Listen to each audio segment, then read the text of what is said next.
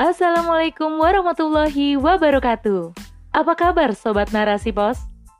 Kembali lagi bersama saya Giriani di podcast Narasi Pos. Narasipos.com Cerdas dalam literasi media, bijak menangkap peristiwa kunci. Rubrik Opini. Menguak skandal korupsi Sang Taipan oleh Sartinah. Negeri ini sungguh kaya, tidak hanya kaya akan sumber daya alam, tetapi juga kaya akan budayanya. Salah satu budaya yang enggan diakui, namun telah menjadi bagian tak terpisahkan dari negeri ini adalah korupsi.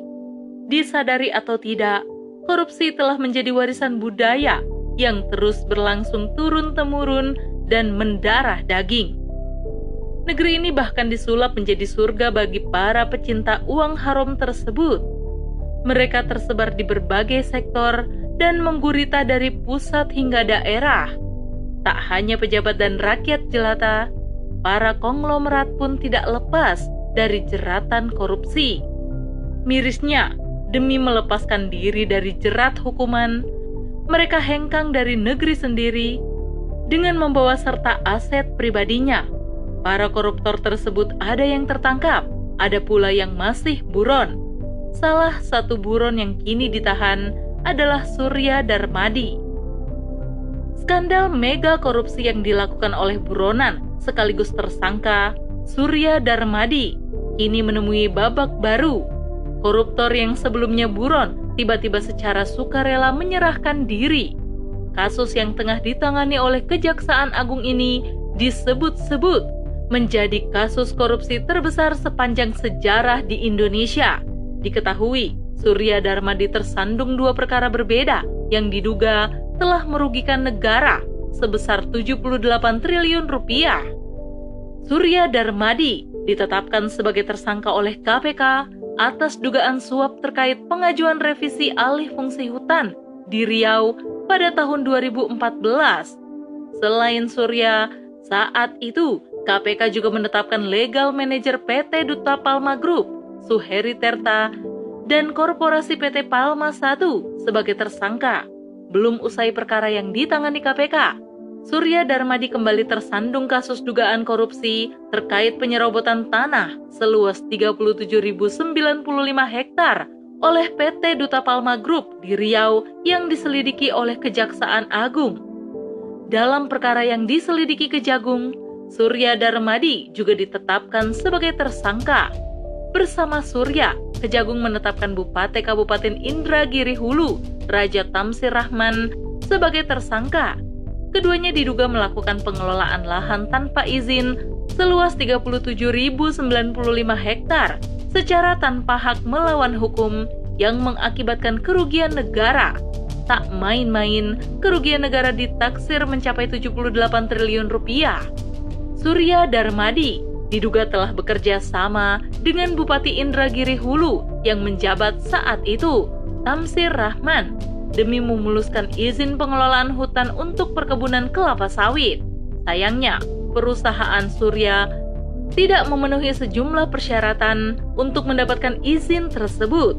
Surya alias Apeng juga diduga menyuap Anas Ma'amun selaku Gubernur Riau saat itu sebesar 3 miliar rupiah untuk mengajukan revisi alih fungsi hutan kepada Kementerian Kehutanan. Surya Darmadi merupakan pemilik PT Darmex Agro Group di mana perusahaan tersebut adalah induk dari PT Duta Palma.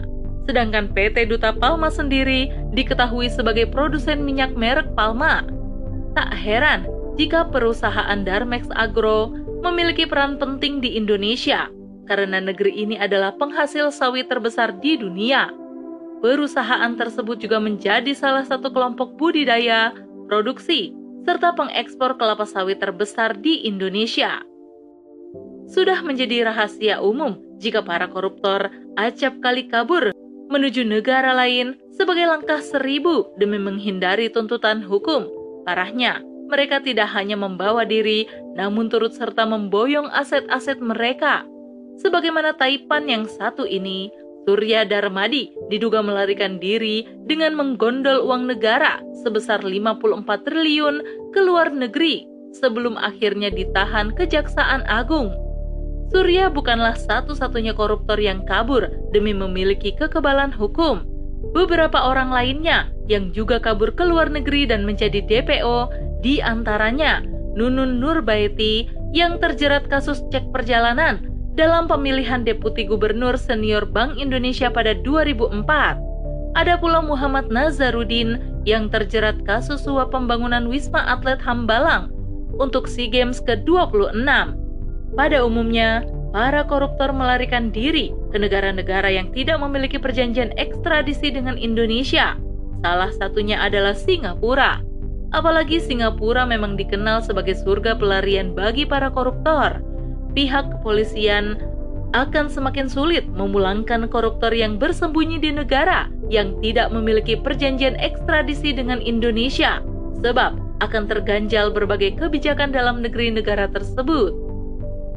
Setelah puluhan tahun berlalu, Singapura akhirnya menandatangani perjanjian ekstradisi dengan Indonesia, tepatnya pada Januari 2022. Perjanjian ekstradisi tersebut sebenarnya sudah dirintis sejak 1972 silam. Namun, pembahasannya baru mulai intens sejak 2004.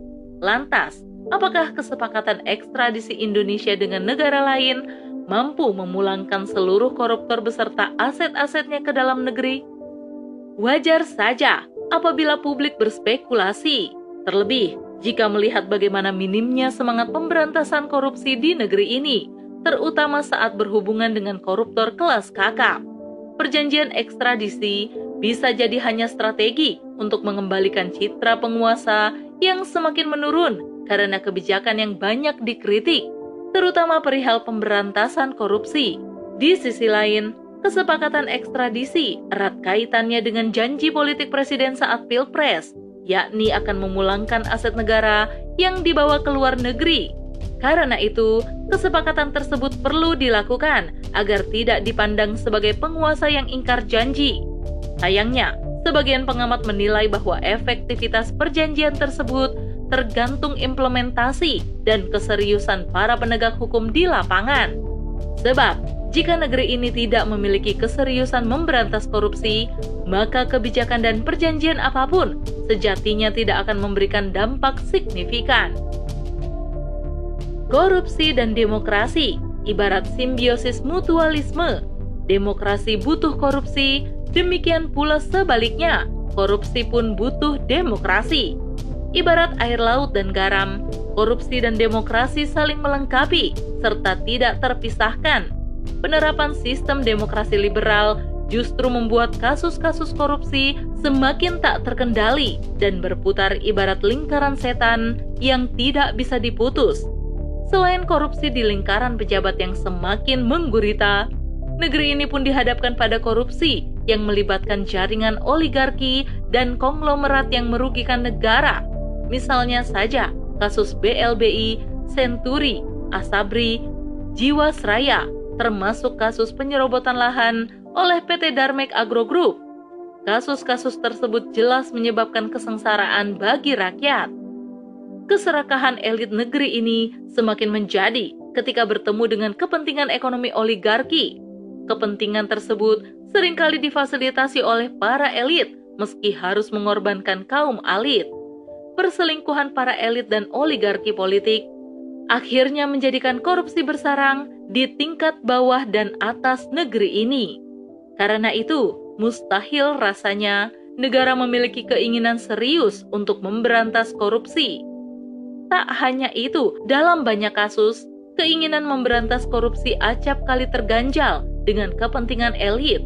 Bahkan, lembaga anti rasuah pun dikebiri melalui revisi UU KPK ini artinya kemauan politik lemah, ditambah pula dengan lemahnya sistem hukum dan peradilan. Alhasil, memberantas tuntas korupsi di negeri ini hanyalah angan-angan. Kebijakan yang dilahirkan dari hasil kompromi manusia justru melahirkan tumpang tindih kewenangan antar lembaga penegak hukum. Tak heran, meskipun regulasi terus dibuat, tetapi koruptor semakin kreatif membuat modus dari waktu ke waktu Di samping itu, mekanisme pengadilan sangat tidak efektif dan efisien mengingat proses yang dilakukan begitu sulit dan bertele-tele. Sistem demokrasi telah nyata gagal memberantas korupsi. Sejatinya, pemberantasan korupsi tidak bisa dilakukan sebatas regulasi, namun diperlukan sistem sohih yang menaunginya. Sistem tersebut adalah Islam. Dalam Islam, kekuasaan dan kepemimpinan adalah amanah yang harus dipertanggungjawabkan di dunia juga akhirat. Tidak hanya bertanggung jawab kepada manusia, tetapi juga di hadapan Allah Subhanahu wa taala. Islam yang dibangun berlandaskan akidah tidak hanya memberi solusi atas pemberantasan korupsi, tetapi juga mencegah sedari dini niat korupsi pada diri seseorang. Islam memberikan solusi secara sistemis dan ideologis tentang pemberantasan korupsi hingga tuntas. Hal ini membuktikan keunggulan dan keistimewaan Islam sebagai aturan hidup dan solusi kehidupan. Islam menerapkan beberapa langkah dalam memberantas korupsi, yaitu pertama, Islam telah mengharamkan segala bentuk suap atau riswah untuk tujuan apa pun. Nabi Shallallahu Alaihi Wasallam bersabda dalam hadis At-Tirmizi dan Abu Daud, Rasulullah Shallallahu Alaihi Wasallam telah melaknat penyuap dan penerima suap.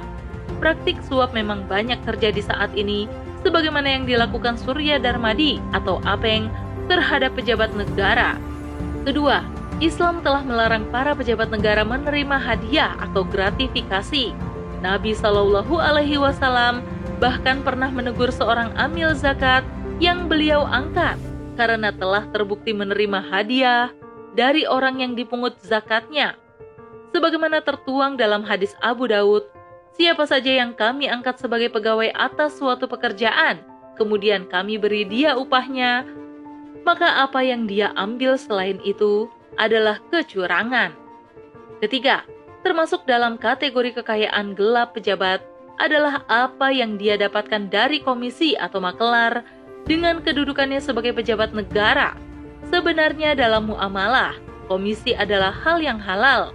Namun, jika pejabat menggunakan jabatan atau kedudukannya untuk memutuskan transaksi bisnis ataupun dia mendapatkan komisi dari suatu proyek, maka hal itu termasuk dalam kepemilikan harta yang haram.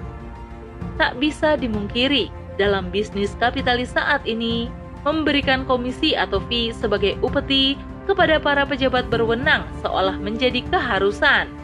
Hal itu dilakukan agar mereka memperoleh proyek tanpa hambatan.